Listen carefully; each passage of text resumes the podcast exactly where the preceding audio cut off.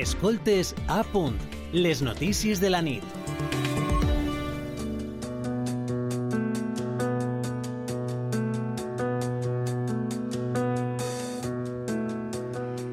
Estem campanya de replegada de cítrics, ja ho saben, i avui els parlem d'una iniciativa d'Oxfam Intermón que va començar el 2020. Aleshores, va iniciar la comercialització de mandarines i taronges valencianes de cultiu ecològic en aliança amb xicotetes explotacions agrícoles que produeixen de manera ètica i solidària i que estan associades a la Unió de Llauradors.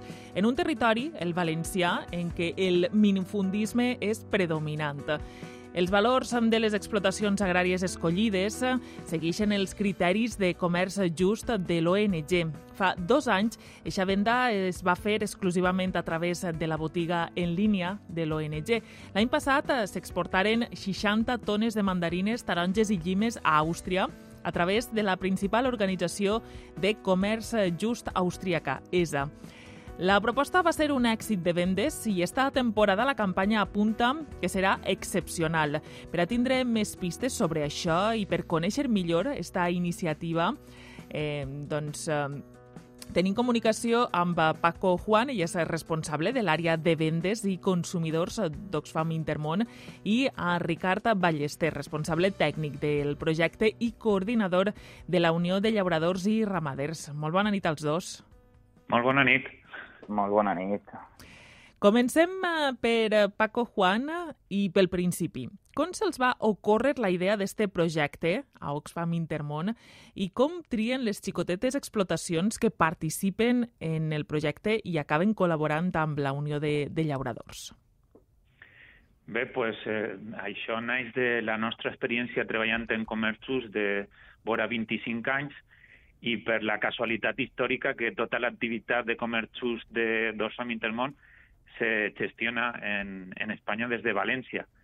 Això ha fet que estiguérem més propers a la realitat del territori, del que estava passant en el camp en general i en particular en la taronja, que és un cultiu històric nostre, i hem vist que molts dels problemes que, que en, contra els que lluitàvem en el comerç just, el tema dels salaris dignes, el tema del respecte al medi ambient, pues això cada volta estava passant més a casa nostra i en concret la taronja i així fa dos anys pues, decidirem llançar-nos un poc a la piscina i tractar de posar en marxa un test on poguérem aplicar aquests valors que coneixíem molt bé de, després de treballar tant en ells pues, a, al cultiu de proximitat, d'un cultiu ecològic que poguera també posar en valor el, els drets humans i els drets dels treballadors.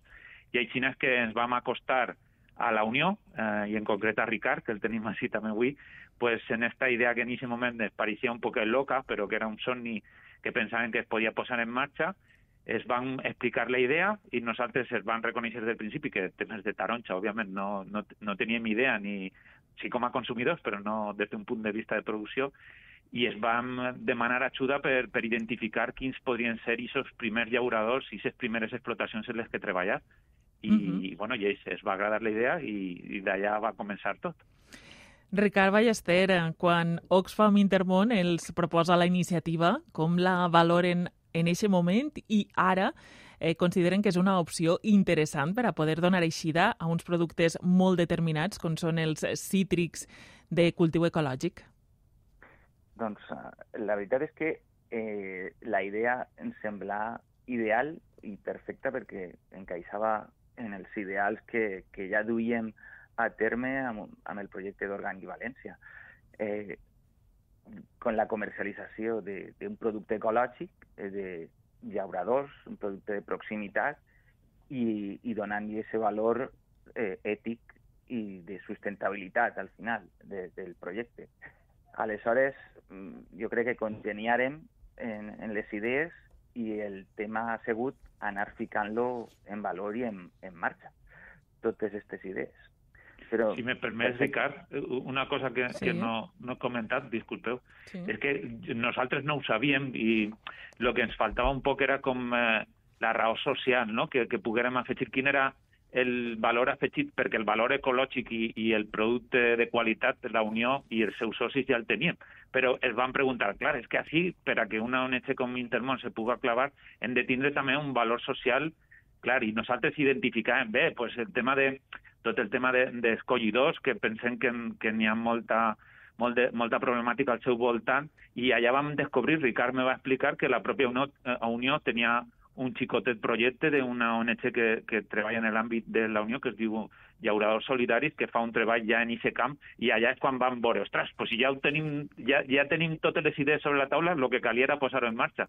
I la veritat que se va, va fer una conjunció d'idees i d'apostes que ja estaven un poquet en funcionament que posarem en marxa en aquest moment. Llavors, en, en una part de, del que paguem, o sigui, a banda de pagar un salari digne, un preu just als llauradors, una part del preu que paga Osfam Intermón i que acabem pagant també els consumidors, també es destina a recolzar un projecte de, de llauradors solidaris, que com vos dic és una ONG de, de, de, de la Unió, que, que, que treballa per la integració laboral de persones en risc eh, eh, social. Llavors, pues, això li va donar tot el sentit i tot el contingut a que una ONG internacional com Oxfam Intermón, que lluita contra la pobresa i la desigualtat, poguera treballar en aquest projecte així a València.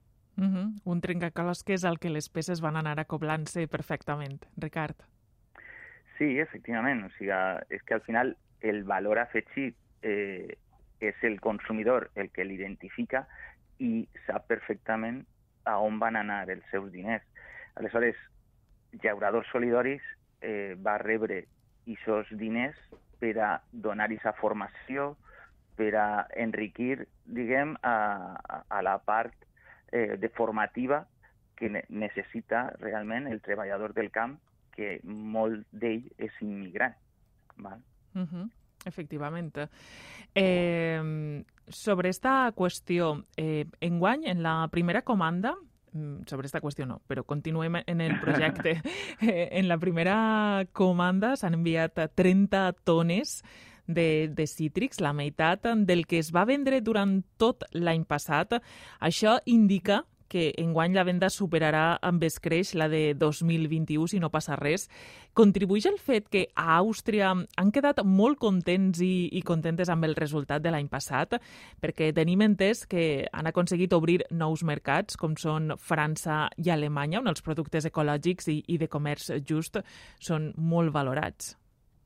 pues així és. La veritat és que també va ser una aposta d'aquesta organització germana nostra, EFA, com has anomenat tu abans, i l'any passat van tenir una valoració tan, tan positiva que, que, que enguany pues, eh, noves botigues han, han incorporat al procés i, i en les mateixes botigues que ja estaven venent el producte de la Unió, pues, enguany nous clients eh, s'han acostat perquè el boca-orella funciona perfectament, el producte que nosaltres ho tenim així al costat i moltes voltes malauradament no ho valorem, el que és tenir una fruita de molt alta qualitat a un preu molt raonable i allà eh, en Àustria no n'hi ha tarongers ni, ni mandarines, totes són de fora i hem, hem sigut capaços d'oferir-les en, en un format eh, i en una presentació molt curada i la valoració va ser tan bona que en, en la primera comanda ja van fer la meitat i esperem que si l'any passat van fer 60 tones podem multiplicar per 4 perfectament aquesta quantitat només en, en, en Àustria. I com bé has comentat,